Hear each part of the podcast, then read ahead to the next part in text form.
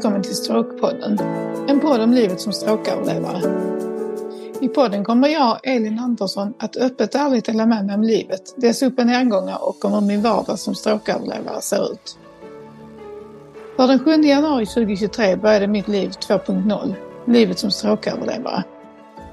Jag insåg väldigt snart efter insjuknandet att kunskapen och informationen till drabbade och anhöriga, framförallt till oss som är mitt i livet, är oerhört bristfällig. Så min gode vän Ann-Sofie Berg och jag kläckte därför idén om att starta den här podden.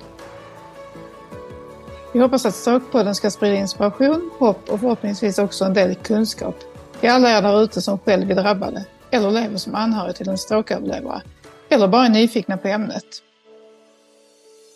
Den 7 januari i år drabbades jag av en stor hjärnblödning som jag senare skulle få veta berodde på en fistel. Det är en typ av en kärlmissbildning som hade brustit i min högra hjärnhalva precis vid hjärnans rörelsecentrum. Innan hjärnblödningen som kom att förändra mitt liv radikalt, eftersom jag till en början var helt förlamad på min vänstra kroppshalva, så levde jag ett väldigt aktivt liv. Jag är gift med Christian och vi har två tonårsdöttrar på 15 och snart 19 år ihop. Vi bor i en en och en halv villa i Vellinge som är en liten ort en dryg mil söder om Malmö. Vi har en sibirisk katt, Samira, som är 10 år och en hund, Busse, som är en beagle som är fem år gammal. Jag har alltid älskat att röra på mig och jag har testat många sporter genom åren. Tennis, ishockey, innebandy, pingis, fotboll. Ja, det mesta som fanns att utöva när jag växte upp på 80 och 90-talet. Men de senaste åren har jag blivit mer eller mindre frälst av crossfit och jag tränade detta 4-5 gånger i veckan fram till den 7 januari i år, när mitt liv på ett sätt började om. Även långa promenader ute i naturen med vår hund såg jag till att få till mer eller mindre dagligen i mitt gamla liv. Om ni gillar det här avsnittet så får ni jättegärna dela det så att fler får chans att lyssna. Du kan också välja att följa eller prenumerera på podden så missar du inte när ett nytt avsnitt släpps. Vi hoppas att ni tycker att podden är intressant och vill lyssna.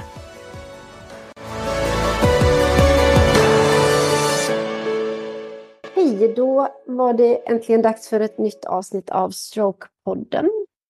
Hur är det med dig Elin? Du har ju varit iväg på en, en lång resa. Ja, precis. Jag var i Japan och kom hem här för ett tag sedan. Och det var jättehäftigt. Eh, jag var där i nio dagar tillsammans med min man Christian. Och eh, det är nerbjuden av en svensk man som hade av sig till mig på mitt Instagram som driver företag där nere och som ville testa en ny behandling på mig. Så att jag tackade ja till det och hade en jättehäftig vistelse Japan. Både behandlingen och se Tokyo var en upplevelse i sig. Spännande, men hur var det att flyga så långt? Tokyo ligger ju kanske, vad tog det, 12 timmar att flyga eller någonting. Hur gick det? Ja, det var en riktigt lång flygresa, precis som du sa, 12 timmar dit och 13 timmar hem. Men det gick faktiskt över förväntan. Jag har ju flugit långt förr innan jag blev sjuk och jag vet ju att det här med jetlag och så är ju inte jätteskoj. Men eh, alltså jag tyckte ändå inte att det var värre än vad det har varit när jag var innan stroken så att säga. Utan jetlagen lades efter några dagar och det är klart man var stelare än vanligt i benen när man reste sig nu när man har, liksom, har lite svårare att röra sig. Så. Men ändå över förväntan och ja, det gick jättebra.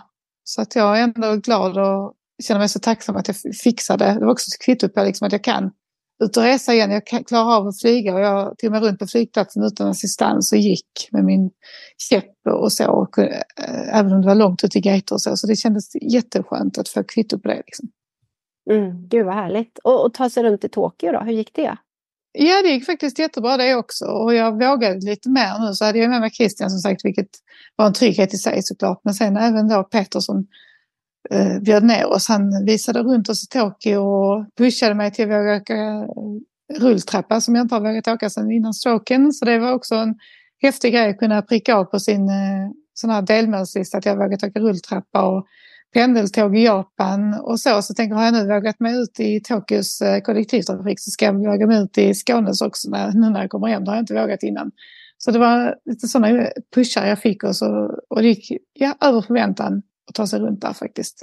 Allting funkade jättebra så det var liksom inga för, allt, alla tågen gick som de skulle och det var liksom mycket folk men ändå lugnt och ingen vidare så trängsel som man kanske kan tänka sig i en sån stor miljonstad. Så det var, det var häftigt. Så kul att höra att allting fungerade så himla bra. För det, jag kan tänka mig att det är lite... Man, jag menar, man har ju resfeber inför en sån resa utan att ha några svårigheter att gå eller eh, göra saker. Så Men eh, var du nervös innan eller hur kändes det? Ja, men lite, men nog inte värre än vad jag brukar ha. Ska, nu var det ju lite nervös med att barnen skulle klara sig hyfsat själva också. De är, Olivia är ju vuxen men Moa som tonåring. Så det var mest det jag var nervös för om jag ska vara ärlig, hur det skulle gå.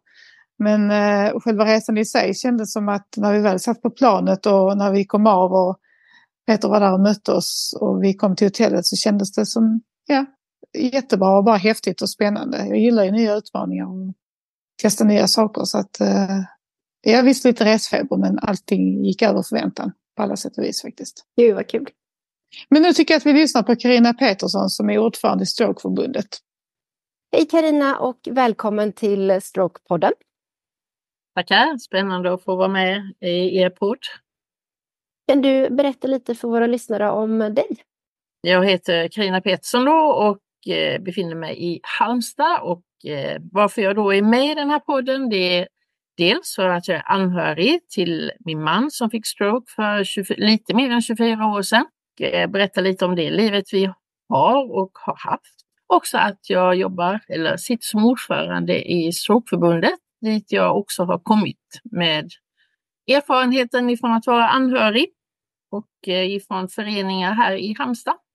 Eh, vi har två barn, vuxna barn nu. De var tonåringar när min man eh, fick en stroke. Men nu är de då vuxna och har egna barn, så det blev en ny del i livet det med. Men jag tänker att vi kommer väl till det lite längre fram också. Men lite om mig själv. Jag jobbar fortfarande, eh, fast jag skulle kunna vara pensionär, så jag har inte velat ta det steget än. För jag trivs med mitt jobb. Men det är väl lite om mig själv. Och din man då, som du sa, drabbades ju av en stroke för cirka 24 år sedan. Hur, hur gammal var han då? Vad var det som hände? Uh, ja, han var, uh, skulle fylla 50 några månader senare. Det här var i augusti. Uh, och jag var 43 då. Så man, vi var väl liksom mitt i livet. Våra barn var 13 och 18. Så att man kan säga det är den här nya fasen i livet när man barnen har blivit stora och kan liksom klara sig själv. Och man skulle kunna ja, ska satsa lite på jobbet, på egen tid och så. Men det blev ju lite annorlunda i och med det här då, när han fick sin stroke helt oväntat faktiskt. I efterhand visade det sig att han hade högt blodtryck och det var väl kanske den största orsaken. För det fanns inga andra fel. Men en morgon så vaknade han och eh, kunde inte röra sin arm riktigt som innan. Och jag mötte honom i trappan och då såg jag att han nog hade fått en stroke. För jag hade en minne av det från min egen eh, morfar som hade fått det. Men då tänkte jag att allting löser sig. Eh, det gjorde det inte på det sättet som jag tänkte mig i alla fall. Och eh, han blev riktigt dålig. Hur såg ert liv ut innan då? Du sa lite att ni var mitt i livet och två tonårsbarn och men ni, ni båda jobbade och det var du sa, han hade inga symptom innan eller någonting sånt utan ni levde på som vanligt. När han då blev dålig så blev det liksom, vad var orsaken till detta? Och då kan man säga, som han då skulle fylla 50, så på hans arbete, han jobbade som eh, byggnadssnickare, då fick man gå på sådana 50-årskontroll. Och då visade det sig där och då att han hade högt blodtryck eller så. Men det var liksom ingenting som han mer hade sagt någonting om, mer än att de hade sagt till honom att söka, eh, gå till läkaren och liksom kolla upp det lite mer då. Eh, visade ju sig i efterhand, men för övrigt så var han ju frisk. Eh, han hade ont i huvudet lite då och då, men det hade han haft alltid, migrän och sådär. Så det var inga liksom sådana eh, tecken liksom att det skulle bli någonting. Så vi levde liksom som vanligt. Vi hade varit på semester och vi jobbade 14 dagar efter vår semester, sen blev han ju sjuk och han var inne och liksom gillade sitt jobb och jag hade, jobbade i mitt och gillade mitt jobb. Jag jobbade som lärare då. Eh, så vi liksom jobbade på och så framåt med saker som vi skulle göra. Vi skulle resa nu då när han fyllde 50 så alla var liksom väldigt eh, taggade för det. Det var väl liksom det här livet mitt i livet och man såg liksom att vi hade börjat spela golf, familjen och ja, vi skulle kunna göra lite andra saker nu då när barnen var så stora. Att vi kunde ha liksom en annan del i livet, dels tillsammans alla fyra, men också lite var för sig eftersom de klarade sig på sitt vis och vi kunde ägna oss åt nya saker. Mm. Och hur svårt skadad blev han då när han fick sin stroke? När han fick sin stroke här på morgonen då så då den kom och han kunde prata, men det minns han inte så mycket. Men han gick liksom i princip ut till ambulansen. Mhm. Och eh, när han kom in till sjukhuset så tänk, sa man att ja, men det här är nog en tia. För han kunde göra liksom alla de här testen med fingrarna och han kunde gå. Sen blev han lite sämre under förmiddagen medan jag var kvar. Eh, Men inte så mycket ändå så jag åkte hem för att invänta barnen. Och sen ringer de efter mig för då har han fått ytterligare symptom på en större stroke och man kollar och då, då när vi kom upp sen på eftermiddagen då var han liksom inte närvarande så att säga. Eh, och då såg man också att den kunde bli ännu större. Så då fick vi åka ambulans till Lund. Så att efteråt så säger de på sjukhuset att en sån stor stroke händer kanske en gång om året här. Och då för 23 år sedan, han fick eh, en Alvedon, paracetamol, det var det man gav då eh, här, för då fanns det liksom ingenting annat liksom blodförtunnande eftersom man såg att det var en propp då. Men när vi då kom till Lund så såg man att det kunde bli mer så han eh, hamnade på IVA där nere då. Och de två första dagarna var ganska lugna så att säga, men han var inte så närvarande. Och han låg nog lite nedsövd då där med. Men sen då så blev han sämre på tredje dagen. Då eh, fanns det bara en sak att göra och det var att ta bort en del av skallbenet så att eh, hjärnan kunde få plats då. Och det gjorde man. Och det räddade ju livet på honom. Och det var det man hade lärt sig två år tidigare. Ja, det var det som fanns då att tillgå så att säga. Och vid det tillfället, eller vid den tiden så gjorde man faktiskt nya det här med man kylde ner, det gjorde man i Göteborg. Då hade man lärt sig att kyla ner, eller man testade. Man testade också det här med trombolys, att eh, gå in och ta ut proppen. Men det var liksom på testnivå, det fanns liksom inte då. Men det räddade ju honom, det här man gjorde då. Så det han fick, eh, ja han är förlamad i vänster sida och den är ganska så djup då i hjärnbarken, vilket gör att han har lite, han har svårt att gå. Och han blev väl mer eller mindre rullstolsburen där. Men inomhus går han, men han är inte så glad för att gå ut och ute och gå, för det tar väldigt, väldigt lång tid för honom. Eh, han miste synen på vänster, synfält på båda ögonen. Så att komma tillbaks till jobbet och så, det var ju liksom inte tänkbart och han klarade sig inte själv. Så att den blev ju stor. Men han miste aldrig talet och så. Hur var det med armen? Blev armen påverkad också? Ja, nej, den är ju liksom eh, väldigt, den är inte rörlig alls. Utan den är liksom, den är där böjd vid vänster sida. Så att han har bättre rörelse i benet än i armen. Och det förklarar de med att ja, den tar mycket större plats i hjärnan eh, och att det är svårare att få tillbaks den. Och träning, ja, de har försökt, men den var så eh, hård eller så stor förlamning där så att det har varit jättesvårt för honom med den träningen han har fått att få tillbaka. Och sen när man tittar nu idag så tränar man ju på ett annat sätt med rehabilitering än vad man gjorde då och då kanske saker hade varit annorlunda. Men utifrån det som fanns där och då för de här åren, sedan så har han ju inte fått det. Men han har ju, fått, han har ju kommit mycket längre fram än vad man sa. För man sa att han inte skulle kunna gå och inte liksom klara det han gör idag. Han klarar ju av att gå och han kan klä av sig själv men han kan inte klä på sig själv. Det funkar inte. Så att han har ju många saker kvar ändå. Ser ni fortfarande att det händer saker, att även om det har gått så många år, att det går liksom framåt men väldigt sakta eller har det liksom stannat upp? Nej, det kan jag inte säga. Armen kan jag känna, där finns liksom ingenting eh, som har hänt och blivit bättre där. Nu känner jag nog lite så här att nu har han kommit upp, för nu är han 73. Nu i normala fall så blir man ju liksom inte bättre. Kroppen blir ju också lite annorlunda ju äldre vi blir. Och då kan vi känna att det blir, alltså så för han med, jag upplever att han är lite tröttare än innan. Men han tränar ju, han tränar varje vecka, liksom, dels på sjukgymnast och eh, sen hemma med med sån här trampcykel. Nej, det händer nog inte så mycket. Därför blev jag lite inspirerad när jag såg dig igår med din skena alltså, som du hade varit och provat i Danmark, Elin. Då. Så tänkte jag så här, jag hade sådana saker ändrats för honom. Eh, för idag, så ni som nu fått stroke senare så här då, så finns ju annan rehabilitering upplever jag och det finns andra hjälpmedel. Det finns andra saker när man får en stroke för det första. idag. Som jag tänker, hade det funnits då så kanske inte han hade fått de stora skadorna, fått trombolys och allt det här.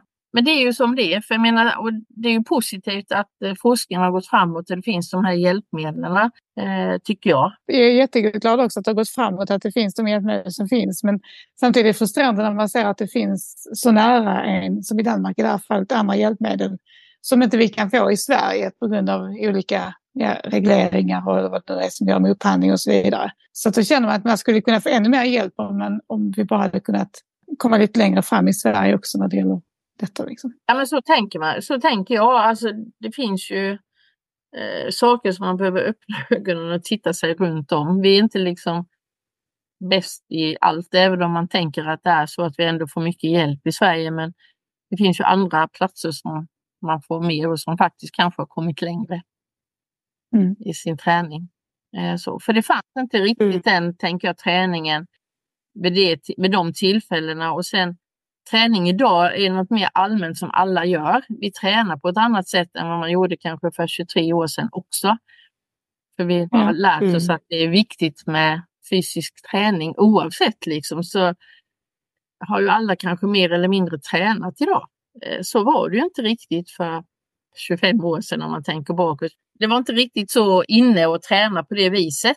Så, och det gör ju också att när man då blir insjuknad då så kanske man dels har en bättre fysik men man kanske också är mer inne på att man ska träna mer. Men han har ju tränat idrott varje vecka i 23 år liksom mm. ändå. Och det tänker jag gör ju att han har fått behålla det han har nu, att han kan klara sig själv till viss del. Han klarar sig att gå inomhus vilket ger en frihet för honom. Men så som vi bor nu så är vi beroende av en hiss för han kan inte gå i trappor själv. Eh, men nu har vi hiss och det gör ju att han ändå kan liksom ta sig runt i huset. Och det är jag ju tacksam för, för vid dem, om man tänker tillbaks där och då, så vid de tillfällena, eller där, då fick du också mer hjälp att få hjälpmedel hemma. Det tror jag inte vi hade fått idag, eh, hissen, som vi fick då. Så det är både och egentligen. Det är vissa saker gör man inte idag som man kanske då fick för 20 år sedan kanske, eller vad man nu ska säga. Att man har dragit in på en del saker också då. Ja. Mm. Men hur länge låg han på sjukhus då? Ja, nästan ett år låg han på sjukhus. Okej. Okay. För att han låg, då när han blev, han blev sjuk där i augusti och så blev han ju sjukare och sen då låg han nästan tre veckor i Lund. Eller liksom direkt nästan en månad och sen kom han tillbaks. Och då kunde han liksom då, han kunde, det var som ett nyfött barn. Alltså han kunde inte sitta, han kunde liksom inte någonting, han kunde inte hålla upp hu huvudet, ingenting sådär. Och han låg där eh, för all den här träningen då som han behövde eh, hjälp där då, så då låg han ju inne och sen var vi tvungna att bygga om också eh, hemma för att han skulle kunna komma hem och få med här hemma. Så i, i slutet på hösten här då så kom han hem på, helg, på helgerna. Men han låg nästan ett helt år och då var det också det för att vi skulle kunna lösa det här med assistans och jag då skulle hinna eh, vi hade en son som skulle ta studenten och så tänkte jag var det lagom att kanske komma hem till jag skulle ha sommarlov så vi liksom, jag var ledig. Och då var det bättre med all den träningen han behövde så var det bättre på sjukhuset. Mm. Som du sa, ni byggde då om hemma så att han skulle kunna, uh, kunna bo där. Och ni fick, han, ni fick också en personlig assistent då till honom? Ja. ja. Som ni hade på heltid eller har fortfarande? Ja, nej, som vi hade på heltid då. Mm. Så han hade två assistenter som alternerade då. Eh, som var här när jag jobbade mm. då under dagtid och sen var jag själv på kvällar och helger och mm. så. Då var det jag som var liksom assistenten. Och sen 2015 eh, när mycket ändrades om och allt det här med folk som använde assistenter när man inte skulle allt här så var det väldigt mycket som eh, sågs över och då blev han av med sin assistent. Jaha. Då skulle han fylla 65. Mm. Och då undrade man, ska man då, ja, vill ni nu göra någonting åt det här eller så? Eh, ändra på tid eller hur det är så får ni göra det nu. Och jag förstod faktiskt inte riktigt Eh, att jag inte skulle skriva om det. Då tänkte jag så här, ja men vi kanske behöver lite mer, jag blir äldre, han behöver lite mer stöttning och hjälp så att han kan klara sig lite mer själv. Och då eh, önskade vi det. Men när, i och med att de öppnade hans fall Då såg de och ansåg att inte han behövde någonting alls och att det blev hemtjänst istället. Och vi överklagade men det, det hjälpte inte. Ja, men mång, mycket så fick han ledsagning enligt LSS då. och det var ju tur för att hade han fått ledsagning enligt SOL så hade han inte kommit någonstans. Och jag kände att jag kan inte både jobba och följa med honom och göra hans träning. Jag kan inte vara ledig på mitt jobb. Jag fanns inte på min karta att jag skulle gå ner i tid för det hade inte funkat i vårt äktenskap tänker jag. Då hade vi nog inte suttit här idag. Men med facit i hand så fick han hemtjänst och jag överklagade och han fick ledsagning. Och vad innebär ledsagning då när du säger det? Ja, men då innebär att när han då liksom vill göra saker utanför hemmet så följer jag med han på träning. Eh, han spelar boul och han går på vattengympa. Då har han fått ett antal timmar i veckan att eh, ha den här ledsagningen. Och eftersom den då är enligt LSS-lagen så har han ju rätt till den resten utav sitt liv. För SOL, om du har bara enligt hemtjänst eh, SOL så är det liksom väldigt, väldigt lite tid och det innebär inte att de kan följa med dig på någonting. Så det, det har ni idag, ledsagning och sen så får du klara allting hemma då? Ja, sen har vi hemtjänst då som är här varje dag. Vårda, nej det är inte min uppgift. Vi ska vara eh, gifta. Så att det är hemtjänsten då som eh, är här och hjälper honom mm. under dagen se till så att han får mat, får kläder på sig, duscha och ja. Mm, precis. På kvällar och helger så är det jag. Mm. Det får man väl se sen hur, hur det blir liksom också, för det är ju också, det är ju ganska tungt egentligen. Mm. Eh, och då ser man ju själv nu att ja, jag fixar inte riktigt lika mycket som för 20 år sedan. Eller så. Nej, precis. Det, men den tiden, den vill man inte riktigt tänka. Nej, det, det, vill nog, det vill nog ingen kanske oavsett vilken situation man är. Det skjuter man lite på framtiden. Ja, alltså det här, för det var väldigt jobbigt att få någon annan i sitt hem. Ja. Upplevde vi nog båda två, men jag tyckte nog det var ganska svårt att få någon annan som skulle gå i mina grejer. Mm. När vi hade assistenter. Ja. Och det var inte lätt för barnen heller. Eh, eftersom pojken var 18 så han klarade sig ju mer. Han var ju liksom iväg mycket längre. Men flickan då, hon var 13 och då var det liksom alltid vem är det som är här när jag kommer hem? Vem är här som kommer, är här när jag går upp på morgonen och ska äta frukost? Mm. Vissa assistenter funkade bättre än andra och det här att ta hem kompisar, det blev inte så. Eh, för det var inte så lätt för henne och det var lite jobbigt för Kjell. Mm. Så att det, blev, det blev ett nytt liv, mm. att leva på ett annat sätt. Mm. Det är många saker som förändras, inte bara för personer ja. som blir drabbade av stroke, utan det har vi ju pratat om förut också, att det är ju alla, alla runt omkring som helt plötsligt måste kanske förändra eller fundera på hur man ska ha det i sitt liv. Absolut. Vi har ett samarbete med Strokeförbundet. Strokeförbundet har som uppgift att skapa bättre levnadsvillkor för de som fått en stroke och för deras anhöriga. Detta gör förbundet genom att skapa opinion, påverka samhälle samt politik. Det handlar om att informera om stroke och dess symptom, särskilt hur man förebygger och upptäcker när någon drabbats av en stroke. Det är mycket viktigt att få en diagnos tidigt så att behandling kan sättas in så snart som möjligt. Förutom att Strokeförbundet är en medlemsförening för dig som är strokeöverlevare eller anhörig så samlar de inom ramen för Strokefonden in gåvor som bland annat stödjer Strokefondens forskning om stroke och dess konsekvenser med drygt 4 miljoner årligen. Vill du vara med och bidra? Gå in på strokeförbundet.se där kan du skänka en gåva och själv bli medlem. Vi har ett samarbete med Optima Rehab. Behöver du rehabilitering? Optima Rehab erbjuder intensiv rehabilitering i Spanien. I tre veckors tid, fem dagar i veckan, sex timmar per dag tränar du med specialister inom rehabilitering. Du tränar med fysioterapeuter, arbetsterapeuter och neuropsykologer. Har du problem med talet så får du träna med en logoped. Du kan få ersättning för rehabiliteringen via Försäkringskassan. Optima Rehab hjälper dig att ansöka. Ring 08-663 3349 eller mejla till info optimarehab.se. Kan du inte resa men behöver träning? Då rekommenderar vi Optima Online. På Optima Online hittar du träningsfilmer, alla anpassade för personer med funktionsnedsättningar. Gå in på www optimaonline.se. Du har inte varit ledig eller sjukskriven eller någonting utan du Nej, det har jag inte. Däremot har jag tagit, varit ledig lite. Jag har, ja, men någon gång vi faktiskt så kände jag så här att jag orkar inte längre. Då fick, jag, fick vi faktiskt pausa ett mm. tag i vårt äktenskap och eh, jag bodde någon annanstans då. Mm. Eh, det, var, det, var, det blev bara liksom eh, tvunget för att det blev ganska tufft. För det var tufft för barnen och jag blev som ensam förälder fast jag egentligen inte var ensam. Och det hade nästan varit enklare ibland att vara ensam för jag skulle vara, räcka till mm. för alla. Mm. Det, det kändes ganska tufft då för det, ja, det blev tufft för barnen och helst den yngsta och då blev det jobbigt i skolan. Alltså det, det gick ut över det. Och det var ganska tufft att dra i det alldeles själv egentligen. Plus att jag också skulle sköta allt hemma och eh, så. Det blev väldigt mycket för man blev som att man var själv. Mm, det kan jag tänka mig. Men hur, hur, jag menar, det är ett ganska tufft beslut att ta. Att man då bestämmer sig för att nu behöver jag, då måste man vara väldigt stark som person och klara av att ta det beslutet att vara själv ett tag.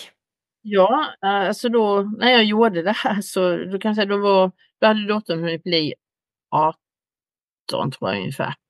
Och sonen var lite äldre då, han hade flyttat hemifrån. Men du tänkte så här, nej men det är inte bra för henne, vi måste bryta vårt så här. Antingen så flyttar hon eller så flyttar jag. Vi har liksom någonstans där vi kan pausa.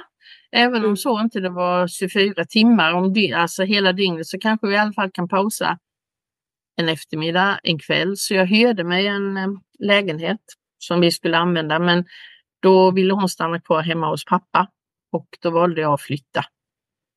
Eh, för jag kände att det blir inte bra. Vi behövde bryta ett dåligt mönster. Och visst, vi har haft hjälp, eller jag har haft hjälp av eh, kurator och så också i det här för att jag klar, man klarar inte detta själv eh, hela vägen när det blev så. För att det blev liksom, alla kan hamna i en kris i sitt äktenskap. Mm. Och så blev det ju här också och då gäller det att hitta någon väg ut. Antingen så delar man på sig, tänker jag, vilket många gör, eller så söker man att få till det så att det ändå ska bli ett bra eh, liv som man kan leva tillsammans. Mm. Då är det lite så att ja, jag måste också leva. Och det tänker jag fortfarande, alltså att även i ett normalt äktenskap så lever, gör man ju olika saker var för sig.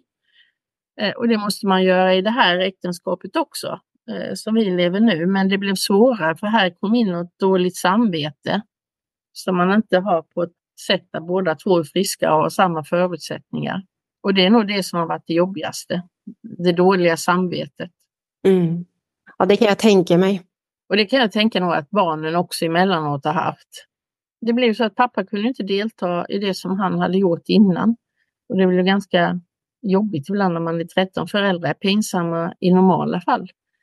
Om man ska säga så, att man är i viss ålder och då blev det en jobbig av en pappa som kanske satt i rullstol som inte såg ut som, var, som innan. Inte då innan, för då hade han bara liksom ett halvt huvud. När han hade tagit bort skallbenet och det hade han över ett halvår mer än det innan de satte tillbaks det.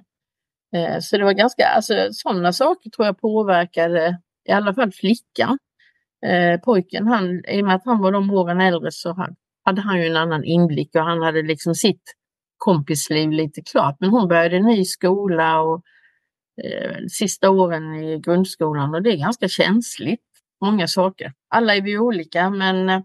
det blev tufft för henne det är en väldigt svår ålder när man är 13 ja. år och så ska man behöva, inte bara att man ska eh, klura ut vem man själv är och allt som pågår i kroppen och med känslor och tankar och allt vad det är så ska man även behöva hantera det här. Jag, tror, jag kan tänka mig att det måste vara oerhört tufft ja. för alla inblandade. Ja, men jag kan nog uppleva lite så här att man blir, de blir ju de vuxna, alltså de blev ju föräldrar till oss på något alltså de skulle hjälpa oss för vi mådde dåligt i det som hade hänt.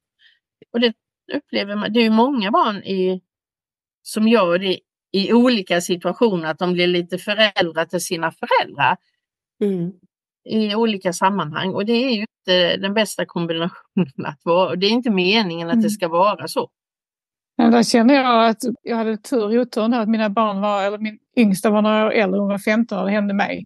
Så hon hade ändå liksom, gick på samma skola som hon hade gått på hela grundskolan och hade sitt kompisgäng och och så här. Så att hon hanterade det ändå mycket bättre än vad jag förstår efter att det skulle kunnat vara. För att även om det var en chock för dem också såklart och, och så, så, så kändes det som att de ändå tog sig igenom det här första året på ett bättre sätt än vad jag hade förväntat eller, eller befarat när det hände.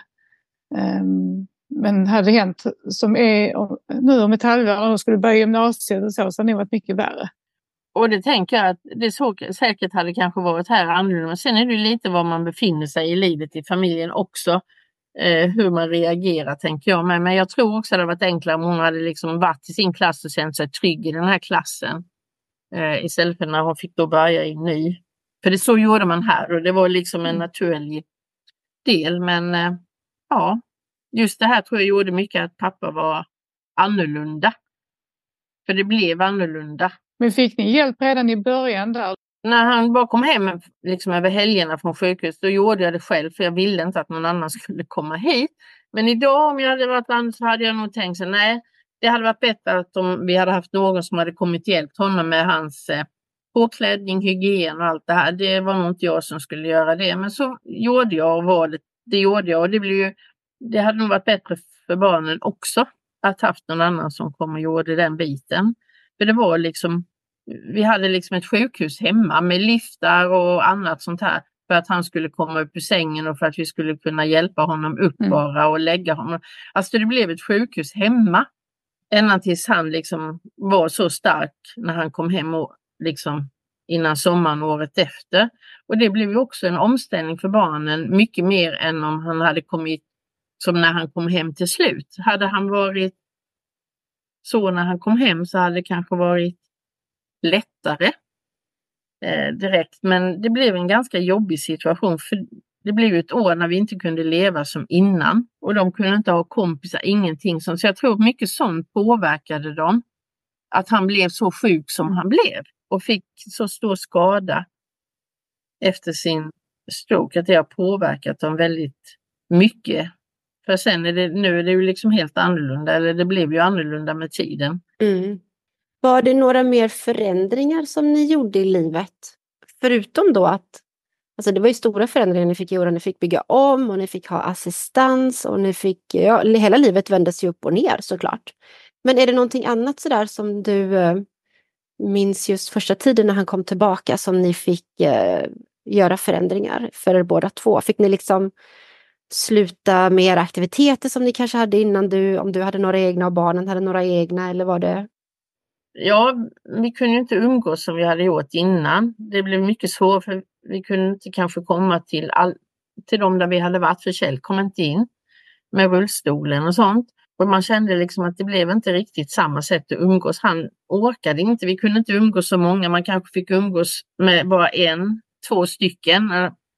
Eh, för, sen, för att han skulle kunna vara med i samtalet och så orkar han bara en liten stund. Det blev liksom ett annat sätt att lära sig att umgås på. Och vi miste också en del vänner för vi kunde inte vara med i det livet som de hade eh, heller. Och då väljer man ju sig och dra tillbaka. Så ibland kan man känna att man blir lite mer själv. Mm. Men jag har alltid försökt behålla mina vänner för det har blivit viktigt och det tänker jag att, att det är viktigt för alla att, behålla, att försöka behålla den biten för annars tror jag inte det blir bra. Och sen att vi försökte göra, vi har försökt att göra saker under tiden. Resa och alltså göra de sakerna själva istället och hitta lite andra saker som värdesätter. Det behöver inte vara några stora saker.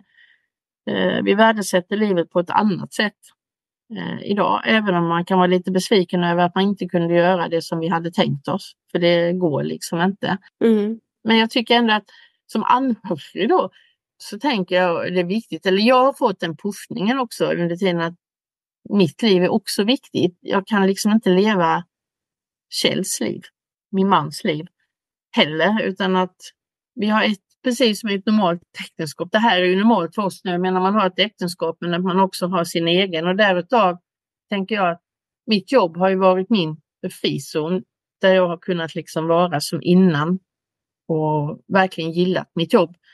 Och så blir det liksom när man kommer hem, blir en annan vardag liksom. Och jag tror för mig har det varit väldigt viktigt att få ha det här andra. Men i början så var det väldigt svårt för att jag kunde inte gå hemifrån långa stunder heller när han var själv. Eh, för att han var tvungen att gå och lägga sig när jag gick.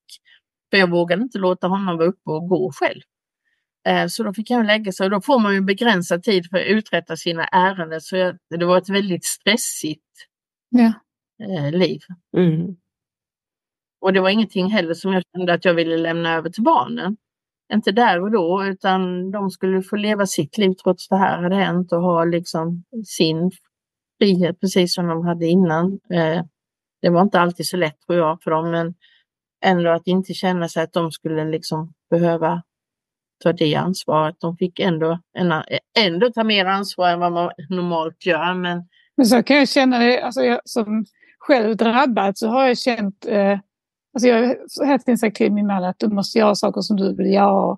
Och speciellt i början när jag inte var, nu är jag ju självständig så jag är klar i mig själv och ingen assistans och så. Men de första månaderna så behövde jag ju att någon var hemma hela tiden. Men då försökte jag ändå liksom säga, men jag åker iväg, gör det jag, något av barnen var hemma. Men det är ju hela tiden det här, eh, från min sida också, dåliga samvetet att jag ville låta honom göra saker samtidigt märkte jag att han tyckte att det var han kände sig kanske inte alltid trygg med att jag var själv hemma för att han ville vara där och hjälpa mig. Alltså det är en jättesvår balansgång. Absolut. Han hade säkert dåligt samvete för att han inte var hos mig och jag hade dåligt samvete för att inte han gjorde det han ville. Och så har man dåligt samvete mot barnen för de ska få vara barn och få göra vad de vill och inte behöva ta hand om sin mamma. Så det är, det är mycket sådana tankar från båda håll tror jag som är jättesvåra att, ja, att hantera. Liksom. Och därför tänker jag, alltså det dåliga samvetet, det är det, då, det, är det jobbigaste att att ha. Och så när man då inte hade dåligt samvete för att man gjorde känslan, nej men nu ska jag faktiskt njuta av den här eftermiddagen, vad jag nu gjorde, eller kvällen om jag nu var, så kan man, kom jag på mig själv att jag inte hade dåligt samvete och då fick jag dåligt samvete för att jag inte hade mm. dåligt samvete. För att jag då kände mig glad över det jag kunde göra eller så. Och det, alltså det blev liksom en ond cirkel för jag, jag tänker när du säger att ja men så är det, och det är jättejobbigt att ha det där dåliga samvetet hela mm. tiden. Mm. För det blir ju ganska ofta man har det egentligen. Det kan jag ha fortfarande än idag för att jag bara för att jag kan gå till jobbet varje dag och så ligger han kvar i sängen och så får han ju vänta till hemtjänsten kommer och hjälper honom upp. Mm. Eh, för han vill inte gå upp klockan sex på morgonen för att jag ska hjälpa honom. Eh, så kan man ju känna liksom den, jag, man har försökt att sätta skygglappar på sidorna för att liksom, nu var det det här. Ja, den där är jättesvår. Jag känner ju sådana situationer som det är vissa saker som jag inte klarar av själv, som att sätta upp håret och ta på mig smycken och sånt. Och, och där behöver jag ju be om hjälp och där hjälper både barnen och min man till. Men det är ändå alltid att jag, det känns lite jobbigt varje gång jag behöver be om det, även om de tycker att det är självklart. Speciellt min man och inte har någonting emot det. Så varje gång liksom, men skulle bara kunna sätta upp mitt hår innan jag går ut och går eller åker till jobbet eller någonting. Alltså det, det är jobbigt att inte kunna, när man är van att vara en vuxen självständig människa som har klarat av allting själv. Så helt plötsligt ska man be om hjälp och ja, alltså då, har, då får man som drabbad också dåligt samvete. Så det, ja, det är svårt att hantera det liksom. Ja, nej, det, det är inte, nog inte lätt från någon sida nej. Eh, alls, tänker jag. Hur har Kjell hanterat allt det här också då? Har han varit positiv till att du tar dina egna eftermiddagar? Det är väl blandat emellanåt, tänker mm. jag. Kan jag väl säga. Alltså det är ju, tänker också ja, hur han mår just då, kanske också. Mm. Det går lite upp och ner. Det kan jag tänka mig att man har bra dagar och dåliga dagar. När man ja. säkert själv känner att det är eh, man inte alls eh, känner att livet är rättvist mot en och andra dagar så har man sin kämpaglöd och kör på. Absolut, så, tänker, så är det säkert. Sen att vi försöker göra lite saker så fort jag är ledig. Liksom. Vi kan bara så här, gå på stan, en liten god fika. Men att vi ändå gör för att för han är ju hemma ganska mycket. Mm. När det är helg. Så ibland kan jag känna min helg går liksom, jag får inte gjort någonting hemma. För det har man ju att göra. Utan då har vi gjort andra saker så då hamnar man lite back-up liksom lite. Men eh, ja, mm. men så får det ju vara. Mm. Får ta, ta vara på tiden som man har ändå. Ja, du sa ju Carina att relation till vänner och sånt hade förändrats. Är det mycket på grund av att har han haft mycket eller har mycket hjärntrötthet? Att det är därför ni liksom inte riktigt har kunnat träffa folk? Men han har tyckt det varit jobbigt. Dels och den här, det, när det blir mycket folk eh, så tycker han det är strängt. Och sen också att, tror jag att de kände att det blev inte samma. Så då försvann vissa. Och det är väl så vissa gånger eller i sådana här lägen, ser man vilka som är ens vänner eller, man, eller inte. Mm. Vissa vänner, bekant, vänner och så, de har vi ju kvar, men dock inte alla. Och det kanske inte hade varit så ändå, men just där och då kände man ju att de försvann, för vi kunde liksom inte vara med på det som vi hade varit innan. Mm. Eller så. så att, eh, men hjärntrötthet har han. Men samtidigt när vi gör saker, när vi reser och så här, då kan jag tänka ibland, nu är det en lång dag med resa och allt det här, men då fixar han det. Eh, så det, ibland är det så som att när vi gör saker så åker han mer än när man bara mm. är hemma. Men han känner av sin hjärntrötthet mm. verkligen, det gör han. Och, har den liksom varit konstant hela tiden? Har han blivit bättre och sämre? Mer eller mindre. Nu tycker jag nog att han kanske känner att han har den oftare eller så, att han blir trött. Men då tänker jag att det kanske ja, beror på åldern också. Mm. Och sen blir han trött. Vi har barnbarnen ganska ofta här för det känner jag, de har vi nu och de vill man inte avstå ifrån. Eh, och då blir det också ett annat liv igen eh, med det. Det kan ju vara lite strängt emellanåt att ha ett antal barn runt omkring sig för honom. Också för mig. Men samtidigt så vill man inte avstå det och det känner jag så här att nej, då får han gå och vila en stund och lägga sig och stänga till dörren och så får vi andra göra lite annat. För det, det tänker jag, det känns svårt om vi skulle avstå den delen mm. i vårt liv. Samtidigt så uppskattar han det, märker jag. Han tyckte det var jobbigast i början, men jag tror att han har vant sig nu. Och, eh, nu saknar han dem när de inte är här, så att eh, jag tror ändå att det var bra att vi valde att de skulle få vara här mm. så mycket. Men det kan jag känna ibland lite så, för vi kan inte göra alla saker tillsammans. Så kommer liksom den här grejen ibland att man blir hindrad av vissa saker. Men då har vi bestämt att då gör jag vissa saker med dem och så gör vi vissa saker gemensamt. Så vi ändå har den biten. Så det har blivit bra ändå. Ja, det låter väldigt sunt och som att ni har kunnat prata om det och kommit fram till liksom någonting som funkar för, för er bägge två så att ni båda två kan njuta av, av livet. Liksom. Så det har vi fått göra. Vi har fått prata mycket mer än vad vi kanske gjorde innan. Mm. Men har ni gjort det, det kanske är en känslig fråga, men har ni gjort det själva eller har ni behövt ta hjälp och gå och prata med någon terapeut? I början när det blev liksom så här riktigt kört, då kände jag att vi behövde ta hjälp av terapeut. Mm. Absolut för att vi skulle få konstruktiva samtal. Eh, och nu känner jag liksom, nu kan vi, nu, nu reder vi det själv. Men i början så gjorde vi det för att jag kände att jag fixade inte det riktigt själv då. Mm. Utan jag behövde också hjälp och jag tänkte att det behöver han med för han sitter säkert också inne med saker som är svåra att säga och ibland kan det vara lättare när man har någon utomstående med. Mm.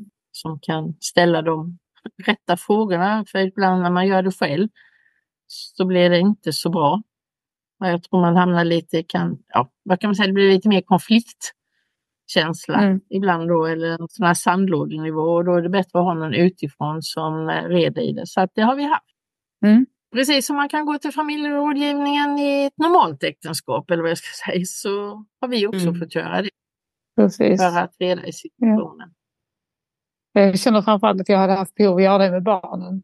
Och de har jag nog svårast att eh, hantera. Liksom, och så. Men när de inte vill själva, det är svårt för tonåringar att vilja göra det. Det är svårt att, att få till det. Liksom. Ja, dottern hon var med mer på det och liksom så att ville, men sonen var inte sådär. För vi hade det faktiskt direkt ifrån sjukhuset, eh, direkt efter när det hade hänt eller så. Och eh, innan Kjell kom hem också så hade vi en jättebra psykolog från sjukhuset som faktiskt var med och där vi pratade hela familjen. Dels vi, bara jag och barnen och sen alla fyra också. Och det var ju ganska nyttigt faktiskt för det var ju en sån stor omvälvning utav det här med pappa som blev så dålig, inte klarade sig själv, vi skulle ha assistenter. Alltså det var ju jättemånga saker där och då hade vi det och det var ju bra.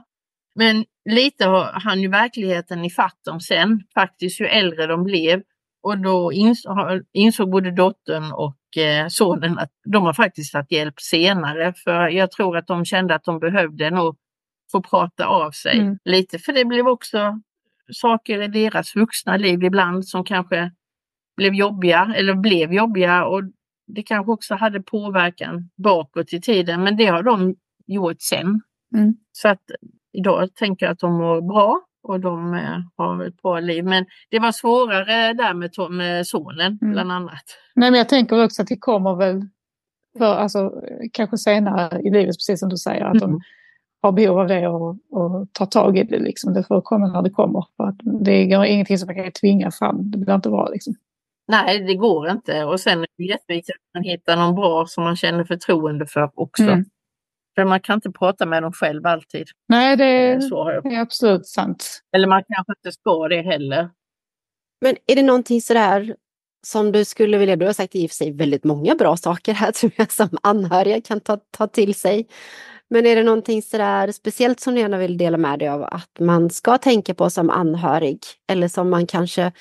För jag, jag känner lite så här att du har nog varit väldigt stark som person som har vågat eh, inte bara bli vårdare utan du har tagit tillvara på ert äktenskap och att ni ska vara tillsammans som man och fru och det ska inte bara vara att du tar hand om honom hela tiden. Och även se till att barnen fått göra sina liv. Men är det någonting annat sådär som man ska tänka på som anhörig? Sen är man ju såklart alla väldigt olika hur man vill vara. Det, det ska man ju också komma ihåg. Men... Ja, man ska faktiskt tänka lite på sig själv. Alltså, man ska nog sätta sig först själv lite det här. Jag läste någonstans att när du flyger så får du alltid uppmaning, sätt på dig eh, syrgasmasken före du hjälper någon annan.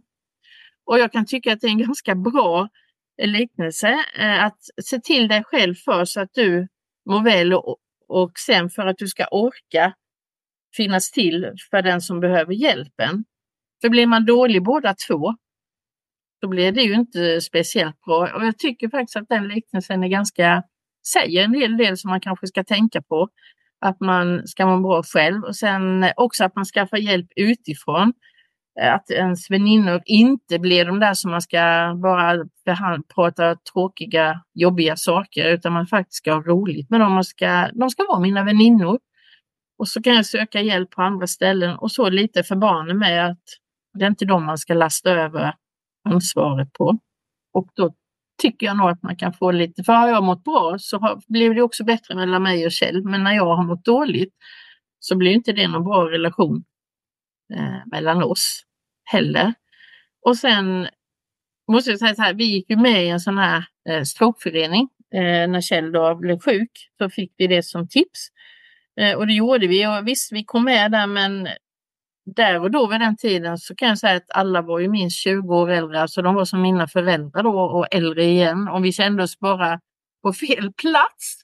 Men samtidigt så kände sig Kjell bekväm ändå för att det var andra personer där som också hade fått stroke då ju att han kunde känna sig bekväm i situationen och träffa andra som befann sig i samma sits och behövde samma stöttning eller hjälp att få den. Och jag kunde också känna emellanåt så hittade jag också eh, andra eh, fruar då där som jag kunde göra saker med. Vi spelade lite golf och hittade det, men samtidigt så blev jag också lite ledsen när de i det läget var så mycket äldre, för vi befann oss inte i samma situation. Deras, vi hade tonårsbarn, de hade andra och de såg liksom Eh, i nöd och lust äktenskapet och det har liksom fastnat i mitt huvud att det känns väldigt märkligt. Det är inte alltid lust.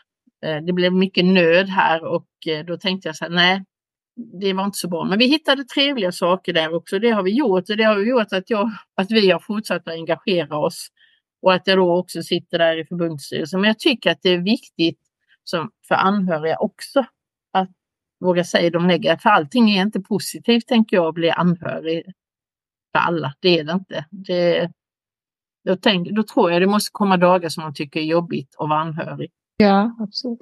Eh, samtidigt, det har man ju som när man har fått sin stroke också så har, är det ju jobbiga dagar därmed. Men om jag nu ska företräda den delen då som jag sitter här så tänker jag liksom att då får man tänka att det kommer dagar som är bättre och att man kanske då måste göra någonting som ger mig lite energi för att vi sen ska få trevligt ihop.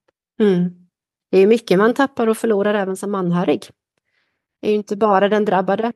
Ja men det är det ju och det, mm. det drabbar båda. Så. Men det blir ett liv att planera tänker jag eh, eftersom Kjell behöver så mycket hjälp.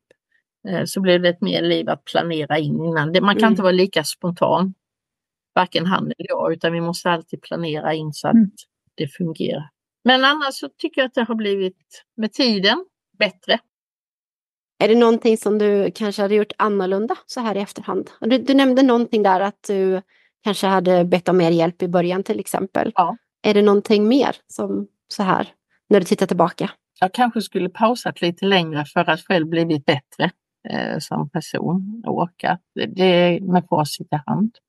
Och jag tänker att jag skulle nog sökt mer hjälp. Egentligen, för jag blev riktigt dålig när jag tittar tillbaks och när jag tittar tillbaks vad jag skrivit. Så känner jag nog att eh, det var mycket rop på hjälp, men jag, jag hade nog behövt mer egentligen, även om jag tyckte att jag fixade det bra. Vissa saker som hände inte blev så bra, men med facit i hand nu så tycker jag nog ändå att det har blivit bra. Mm. Vi har hittat hur vi kan eh, leva Mm. och ändå ha det hyfsat bra. Även om inte vi har kunnat göra allt så har vi ändå gjort en del. Och när blev du aktiv i Stråkförbundet då? Och vad gör ni? Ja, men vi gick med i Stråkförbundet 2003. De hade aktiviteter som eh, min man då ville delta i och som jag också kunde delta i. Så då gick vi med. Så vi har varit medlemmar där sedan dess och sen så kom vi in i styrelsen då här i Halmstad och åkte och jag kände bara så här, nej men det måste göras lite mer saker och aktiva och vi var yngst då liksom också. Och sen på den vägen ner då, sen ja. Sen hamnade jag i förbundsstyrelsen för 13-14 år sedan. Vi var på möten där övriga var med från andra då län, Skåne och Småland och så här, det finns sådana träffar då. Och då var jag väl också sådär precis eh, som nu då att jag berättade eller en fråga ifrågasatte och så. Och sen halkade jag in där och sen har jag blivit kvar där. Mm.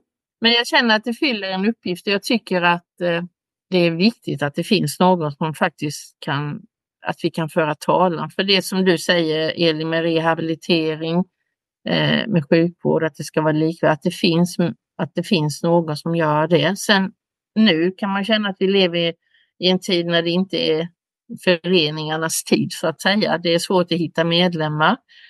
Eh, samtidigt så, och det är positivt för, igen, eh, för att de flesta blir ju friskare idag efter sin stroke för det finns andra eh, saker och det är ju forskningen som har gått framåt i det. Och det är ju positivt och då kanske man inte behöver samma stöttning så att säga från en förening. För när Kjell när blev sjuk, då blev han ju hemma. Men idag kan många gå tillbaka till sitt jobb. Man hittar lite annat, man kan jobba på ett annat sätt och göra saker och då kanske man inte har samma behov av föreningsaktiviteterna. För du kan träna på egen hand eller i, ja, men kan man inte det så kan, då behöver man kanske den här föreningen. Men det är ju positivt att man ändå blir friskare efter sin stroke. Chanserna är mycket större att du inte får kanske de sortens skador som Kjell fick. Det, det händer ju, absolut, men Jag, jag känner att även om, om vi blir lättare kanske komma tillbaka då, att folk inte blir lika skadade, så kan jag, åtminstone jag känna att det saknas något forum även i Strokeförbundet. Det är inte så många yngre som är med där eller som är engagerade. Jag tycker det är jättesvårt att eh, hitta, alltså, hitta något sammanhang för mig själv eh, som ändå är hyfsat ung. Liksom. Eh, och ändå vet jag att det är många yngre som är drabbade. Jag ser ju på mitt Instagramkonto, det är jättemånga som skriver till mig, både drabbade och anhöriga som är i min ålder eller ännu yngre. Men ändå så går de inte att hitta i förbundet eller det finns liksom inget forum för oss. Och, och det tycker jag är jättesvårt, för det är jättesvårt att hitta de anhöriga. Eh, om man har träffar här, det är jättesvårt att hitta. Många gånger då när man träffar andra anhöriga i, via kommunen så, så är, har de flesta en anhörig som har Alzheimers eller dement. Liksom. Det är inte det här eh, stroke. Men samtidigt som du säger så är det ju så att de yngre de är jättesvåra att hitta eh, och att de är aktiva. För jag ser ju också det dels på din men också på de här på Facebook som finns olika grupper. Eh, för de strokeöverlevare och ja, det finns fler. Och det är där är ju många anhöriga men de är svåra att få till. Och sen samtidigt då om jag tittar då vilka aktiviteter man kanske gör i en strokeförening. För vi som sitter där är ju i min ålder Mm. och äldre. Och blir det de aktiviteterna som man kanske som äldre är intresserad av. Och så är det svårt att få till Mm. de yngre då. För visst känner man sig ibland lite felplacerad, precis som jag berättade här när vi kom på det här första mötet och man känner att alla är som ens egna föräldrar. Det är ju inte riktigt där man vill befinna sig när man kanske är 40-50. Nej men precis, det väl Så att jag önskar också, för jag tror att det finns, och det ser man ju i de här, där det skrivs Elin, att det finns ju ett behov av att prata och ventilera Mm. sitt liv eh, och sina upplevelser eller få tips och idéer från andra som när man följer dig här nu med berättar jag för min man liksom, ah, vi kanske ska, jag ska nog kolla, ställa frågan här på vår eh, rehabavdelning Mm. när han ska dit. Vad det finns för möjlighet. Att det hade behövts få in yngre. Ja, det tror jag absolut för att kunna ja, driva fram frågor och sånt. Alltså, jag tycker det är, ja, man märker liksom att det finns, det finns mycket mer där ute som man skulle kanske kunna driva och ta del av om det bara hade varit liksom många eller fler som hade engagerat sig och, och orkat driva frågorna. Men sen är det också stroke är ju en sjukdom där många kanske nu har jag väl haft tur inser jag som inte har blivit speciellt drabbad utöver det fysiska så att jag har tid och, och ork och, och driva frågorna. Men många kanske inte har den förmågan eller tappar talet eller mår psykiskt väldigt dåligt och då, ja, då är det ju svårt också. Så det, är, det är svårt att hitta en form för att driva frågorna framåt liksom, och bli lyssnad på. Ja men absolut, men jag tänker att det är något som vi måste hjälpas åt med så man liksom kanske väcker den frågan och jag tänker att förbundet kanske har varit lite osynliga i många år att man inte känner till Strokeförbundet Mm. heller eh, jätteväl i, i Sverige så jag hade aldrig hört talas om det innan vi Mm. kom med i det.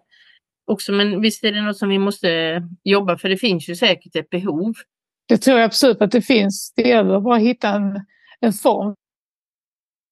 Tack Carina, det var väldigt värdefullt att höra dina tankar och känslor och din erfarenhet. Du som har levt som anhörig i över 24 år.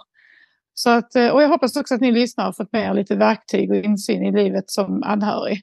Så hörs vi igen om ett par veckor. Då tackar jag för mig. Tack för att jag fick vara med i podden. Vill ni följa med mig på min resa så finns jag på Instagram och där heter jag Elin Strokefighter. Och där på Instagram så delar jag med mig av min rehabilitering och min träning och mina utmaningar i vardagen. Eh, ni får gärna mejla mig också på mejladressen elinstrokefighter@gmail.com. Vi hörs i nästa avsnitt.